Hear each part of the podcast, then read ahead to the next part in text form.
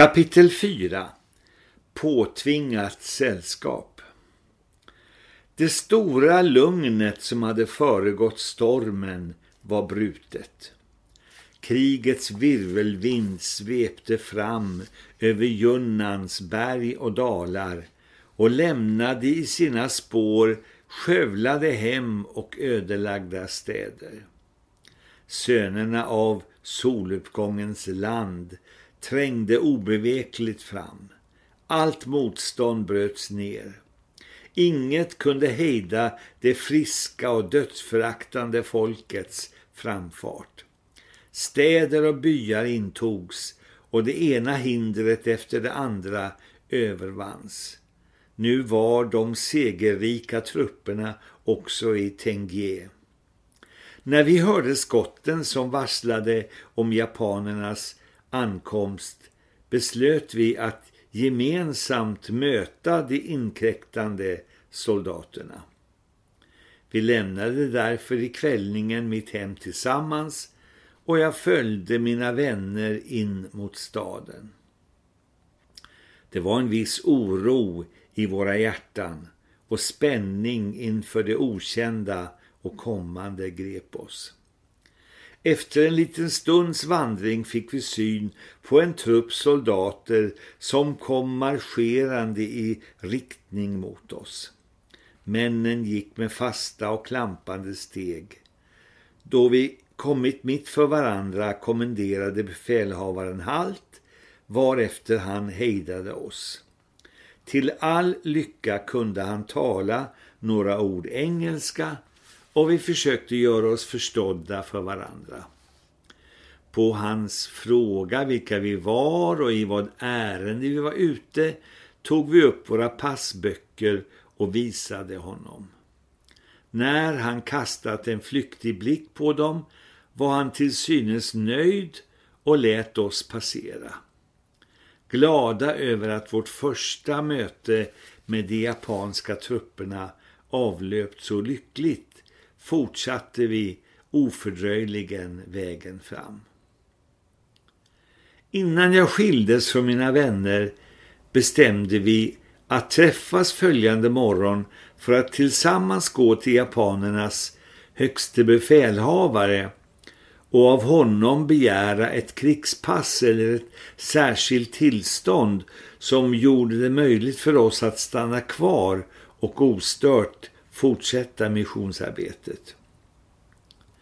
Då vi dagen därpå gick in mot staden innanför murarna var allt tyst och stilla på gatorna. Inte en människa syntes till. Hemmen var övergivna och affärerna tomma. Staden gjorde ett hemskt och ödsligt intryck. I gathörnen var kulsprutenästen i ordningställda varifrån flera gator på en gång kunde läggas under eld. Vi nästan ryste vid blotta åsynen av dessa effektiva mordvapen. Vid den stora stadsporten stod en soldat på post och spärrade vägen för oss. Vi framförde vårt ärende och begärde att få träffa den befälhavande officeren. Soldaten som inte tycktes förstå vare sig kinesiska eller engelska kallade på en underofficer som också kom fram. Då vi frågade honom om han förstod engelska svarade han nej på engelska och smålog föraktfullt. Vi anade emellertid att han förstod vad vi sa, varför vi bad honom att få tala med den högste befälhavaren. På tämligen god engelska svarade han att det inte alls gick för sig. Efter en kort stunds fåfängt ordande hade vi inget annat att göra än att vända om med oförrättat ärende. Med tunga steg gick vi tillbaka hem. Vid hemkomsten till min port möttes jag av sju, åtta japanska soldater samt min portvakt som med uppspärrade ögon och skälvande stämma berättade för mig att japanerna hade varit inne och sökt mig.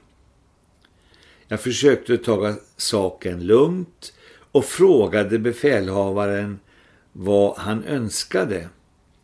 Han tog mig då en smula avsides och begärde av mig en del upplysningar varefter han befallde mig att följa med. Några av soldaterna lämnade han kvar vid min port för att hålla vakt. De övriga ställde han upp i kolonn på två och så kommenderade han framåt marsch. Officeren och jag gick sida vid sida några meter framför soldaterna och jag passade på tillfället att fråga ett och annat om Japan, om man kände till kristendomen och om det fanns några missionärer i Japan. På nödtorft i engelska gav han mig svar på mina frågor och framställde i sin tur en rad frågor till mig rörande kristendomen, Sverige och de lokala förhållandena. I stort sett var han ganska älskvärd, vilket kan sägas om de flesta officerare som jag sammanträffade med. Detta påtvingade sällskapande tilltalade mig dock mindre och jag sade liksom på försök jag kanske inte kan stå till tjänst med något mer nu. Får jag kanske återvända hem? Nej, vänta en stund blev hans svar. Varpå han satte sig vid sidan av vägen och tände en cigarett. En beriden officer kom fram till oss och underhandlade om något. Hela tiden fick jag stå bredvid och jag började bli otålig. Kan jag inte få gå nu undrade jag.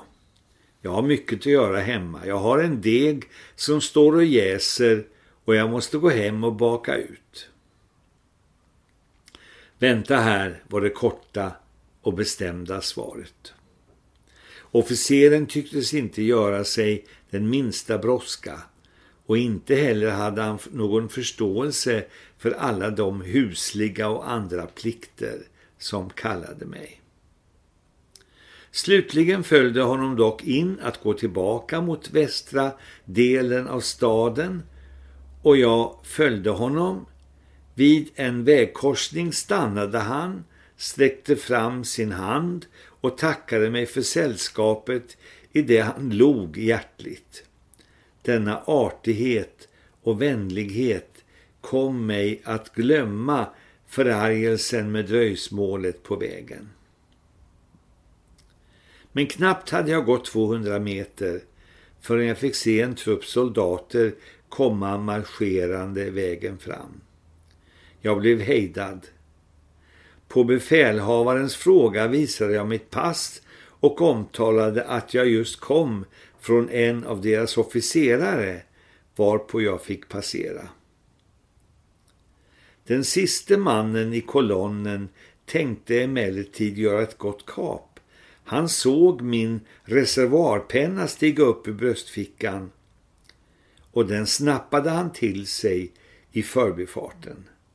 Utan ett ögonblicks tvekan rusade jag på honom, grep kraftigt tag om hans arm och ryckte pennan från honom. Förbluffad som han blev och av fruktan för sin befälhavare vågade han inte stanna efter den bortmarscherande truppen och göra motstånd utan släppte pennan med en besviken min. Glad i hågen gick jag så hem till mitt och mina väntande sysslor. I porten till min tomt hade de japanska soldaterna gjort det bekvämt för sig. Trots att jag mycket tydligt hade utmärkt min egendom som neutralt område hade de trängt in och slagit sig ner i porten och i de angränsande småhusen. Jag hade nämligen på porten spikat upp en stor brädlapp med den blågula flaggan och med inskriften Svenska missionen på engelska och kinesiska. Denna åtgärd tycktes emellertid inte ha den ringaste betydelse för de ofta mycket okunniga, råa och hänsynslösa menige som hade slagit sig till ro på i portgången utbredda gräsmattor. I portvaktens rum hade en av dem sträckt ut sig på britsen och dragit min tjänares täcke över sig. Det var med ganska stort misshag som jag såg att japanerna på detta sätt gjort sig hemmastadda på mitt område men jag kunde inte gärna bjuda dem gå ut. Krig är krig och en frontsoldat tar inte hänsyn till något. Medan jag gick uppe i köket iklädd min vita arbetsrock och styrde kom en av soldaterna in på den inre gården mellan köket och boningshuset. Genom köksfönstret såg jag hur han dröjde vid trappan som ledde upp till mitt sovrum på övre våningen och jag undrade vad det nu skulle bli av. Tvekande gick han så fram till fönstret i sällskapsrummet. Jag gick då ut till honom för att höra vad han önskade. Till varje pris ville jag ju förhindra att han trängde in i min bostad. Där fanns många saker som kunde locka och fresta honom. Det var en senig och stark man som jag hade framför mig. Han var inte direkt stor eller grov, men han var välbyggd och såg vältränad ut. I hans blick och över hans drag låg dock något trött och pinat. Han såg inte riktigt frisk ut. Filippinerna, Hongkong, Java, Singapore, Rangoon och nu här, sa han på sin rådbråkade engelska och ville därmed antyda att han varit med i striderna på alla dessa platser. Jag hade alltså en veteran och en stöttruppsoldat framför mig som upplevt både ett och annat i ständiga och segerrika strider. Så som en film rullades den plötsliga och kraftiga offensiven upp för mig. Jag tyckte mig se dessa undersättsiga och starkt byggda och välövade trupper från soluppgångens land göra landstigning på den ena ön efter den andra och breda ut sig över övärld efter övärld i ett ohejdat segertåg och tyckte mig höra jublet vid varje framgång och märka stoltheten vid varje ny landvinning. Och nu stod denne frontsoldat och såg med längtansfulla blickar på de tunna gardinerna för fönstren i mitt sällskapsrum. Inte bra, malaria, fryser, sa han hackigt på sitt svårförstådda språk och hans kropp skakade i frossa. Sjuk, fryser, sa han återigen med halvslutna ögon och ett trött uttryck över ansiktet. Låt mig få de där gardinerna svepa om mig, fryser, sade han längtansfullt och gjorde en åtbörd som svepte han något omkring sig. Jag tyckte hans begäran rent av gränsade till doförskämda varför jag trots det medlidande jag kände sa till honom Mina gardiner får du inte. Gå ner och lägg det i porten.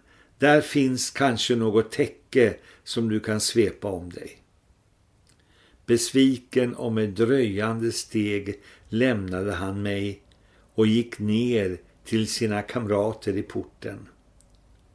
Smått road och fylld av medöpkan följde jag honom med blicken. På min tomt som var omgiven av en hög mur gick två hästar och en åsna och betade. Djuren tillhörde missionär Andersson som lämnat dem hos mig för att det skulle vara lite mer skyddade i utkanten av staden.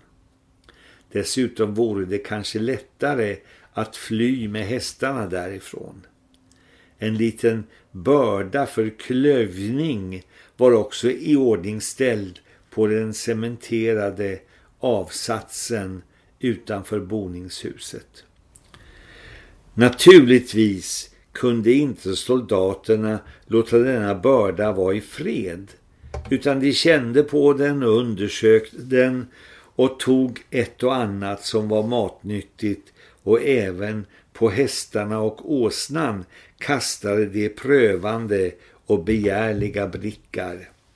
Det var ju brist på rid- och lastdjur i staden eftersom kineserna i god tid fört sina djur i säkerhet.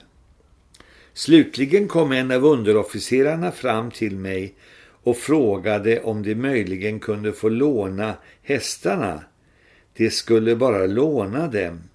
Jag förstod emellertid vad det skulle innebära att låna ut hästarna till japanerna. Jag skulle då sannolikt ha sett dem för sista gången. För den skull svarade jag så undvikande som möjligt. Till att börja med ville jag naturligtvis inte förstå vad de menade. En hel skara kineser kom då till städes och hjälpte till att göra klart för mig vad japanerna önskade. I detta fall, då det inte gällde deras eget, var de givetvis mycket tjänstvilliga. De fruktade ju också att de skulle bli tvingade att hämta sina egna hästar och mulor och ställa dem till japanernas förfogande. När jag inte längre kunde låtsas att jag inte förstod vad de önskade sa jag som sanningen var att hästarna inte var mina och att jag därför inte kunde låna ut dem. Jag kunde ju inte bestämma över det som var mitt. Om de absolut ville låna hästarna måste de först fråga ägaren, missionär Andersson. En av kineserna var då vänlig nog att erbjuda sig, meddela Andersson och mån om att behålla sina hästar kom denne ofördröjligen. Han klargjorde också för japanerna hur väl han behövde sina båda hästar för sig och sin fru. Kineserna som hade gott om riddjur kunde ju istället låna ut sina. Egendomligt nog visade sig japanerna förstående för detta resonemang och det lovade Andersson att få behålla sina hästar. Självfallet var vi glada och tacksamma för denna utgång. För att själv kunna vaka över sina djur tog så Andersson dem med sig hem till sin missionsstation. Själv ledde han de båda hästarna och en kinespojke ledde åsnan. De hade emellertid inte hunnit långt på väg förrän de mötte några japaner som inte hade kännedom om den gjorda överenskommelsen. Helt brutalt ryckte de till sig tyglarna och kinespojken knuffade de undan. Andersson höll fast i tyglarna och ville förklara sig, men de hörde inte på honom.